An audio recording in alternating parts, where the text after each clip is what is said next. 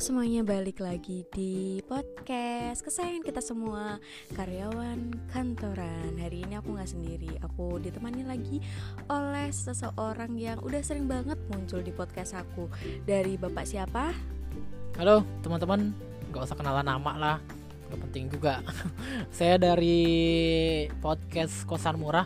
Tadi gini teman-teman, sebenarnya kita uh, barusan itu cerita tentang dinamika kehidupan di jalanan. Cuman karena kebodohan kita sebagai makhluk Tuhan, sebagai manusia tempat salah dan dosa, kita belum ngerekamnya kawan-kawan. Jadi gimana menurut kawan-kawan? Kita cerita uh, perlu diceritain lagi nggak nanti masalah eh, hal-hal uh, lucu yang ditemui di jalanan atau nggak usah lah nggak penting juga kalau menurut teman-teman uh, butuh untuk diceritain lagi silahkan DM Instagramnya karyawan kantoran gitu hari ini kita mau cerita tentang seputar kehidupan karyawan kantoran.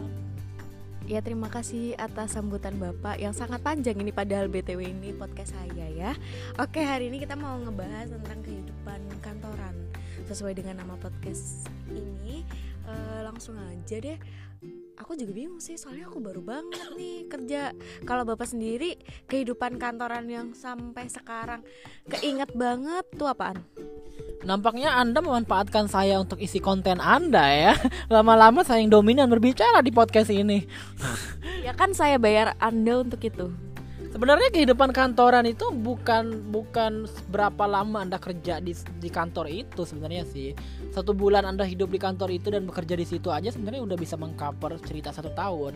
Karena hidup di kantor ya gitu-gitu aja akan menjadi sebuah rutinitas yang yang selalu sama setiap hari. Ketika anda menjadi karyawan apa eh, back office itu akan selalu sama nggak akan beda. Selalu begitu template kerjanya setiap hari tapi Pak, eh, podcast ini hadir untuk menceritakan sesuatu yang beda. Jadi kalau Bapak cerita itu nggak ada faedahnya. Jadi tolong Bapak ceritain yang beda aja. Kawan-kawan mungkin kalau yang karyawan kantoran juga pasti ngerasain. Cuman kalau teman-teman yang bukan karyawan kantoran denger ini juga ya, nanti pasti bisa ngebayangin. Jadi kerja di kantoran itu ada dukanya, ada juga eh, sedih, ada lucu, ada ada misterinya juga banyak sebenarnya. Cuman malam ini kita akan menyoroti apa hal lucu di kantor. Hal lucu di kantor itu gini, pas makan siang. Kalau kalau pas makan siang itu kadang-kadang misalnya nih di sebuah departemen uh, sebutlah departemen keuangan misalnya di bagian keuangan uh, ada lima cewek. Nah biasanya dari lima cewek itu ada satu yang menonjol yang menjadi leader atau yang menjadi kepala gengnya kalau di SMA gitu. Nah biasanya kepala gengnya ini menentukan makan siang di mana dan followers followersnya teman-temannya ini akan ngikut aja. Padahal kadang-kadang suka ngedumel, aduh makan di sini lagi, aduh makan di sini lagi. Padahal dia manusia merdeka gitu loh.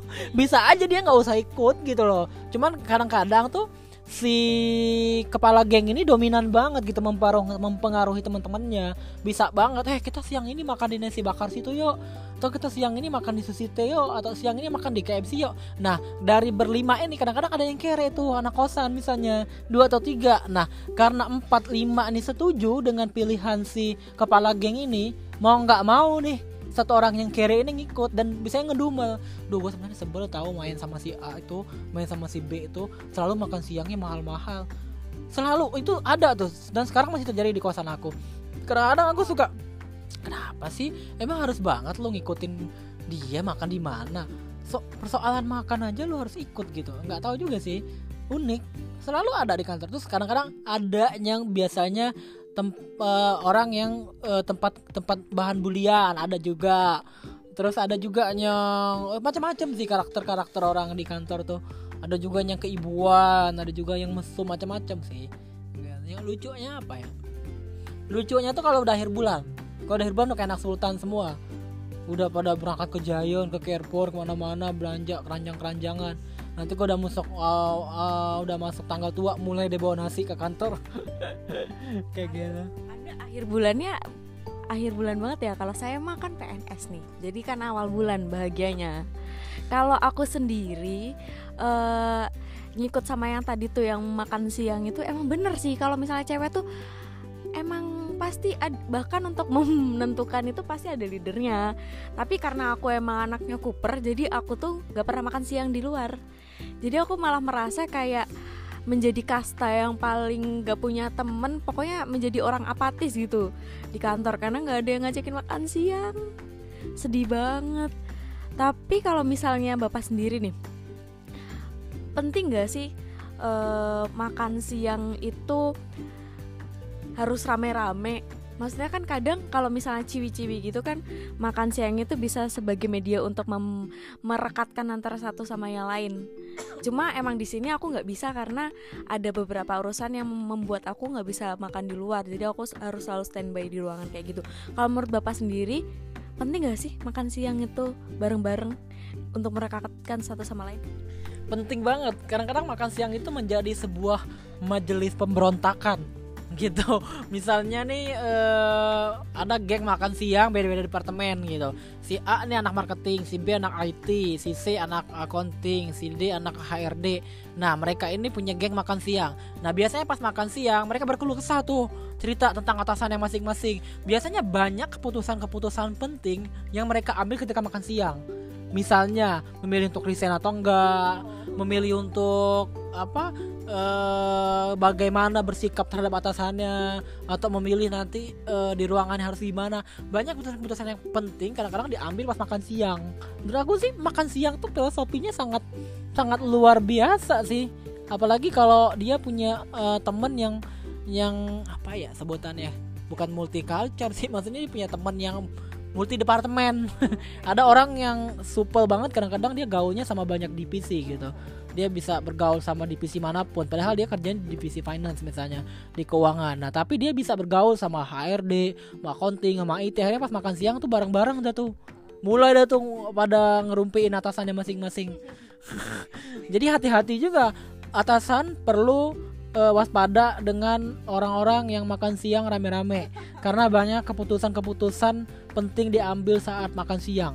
Tapi keputusan penting itu untuk dirinya sendiri ya. Maksudnya nggak terlalu penting juga sih untuk uh, kemus kemaslahatan umat gitu kan. Oh, enggak dong. Enggak dong. Berpeng berpengaruh banget lah kalau dia mutusin untuk resign dan dimotivasi oleh teman-temannya.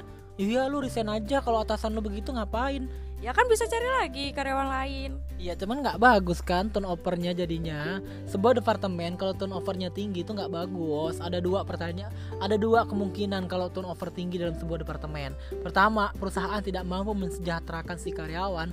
Kedua atasannya tidak mampu membuat karyawan nyaman. Pasti masalahnya ada di internal Padahal bisa aja itu teman-temannya nggak suka sama dia. Jadi mocok-mocok ya udah lu keluar aja keluar aja. Bisa aja kan kayak gitu.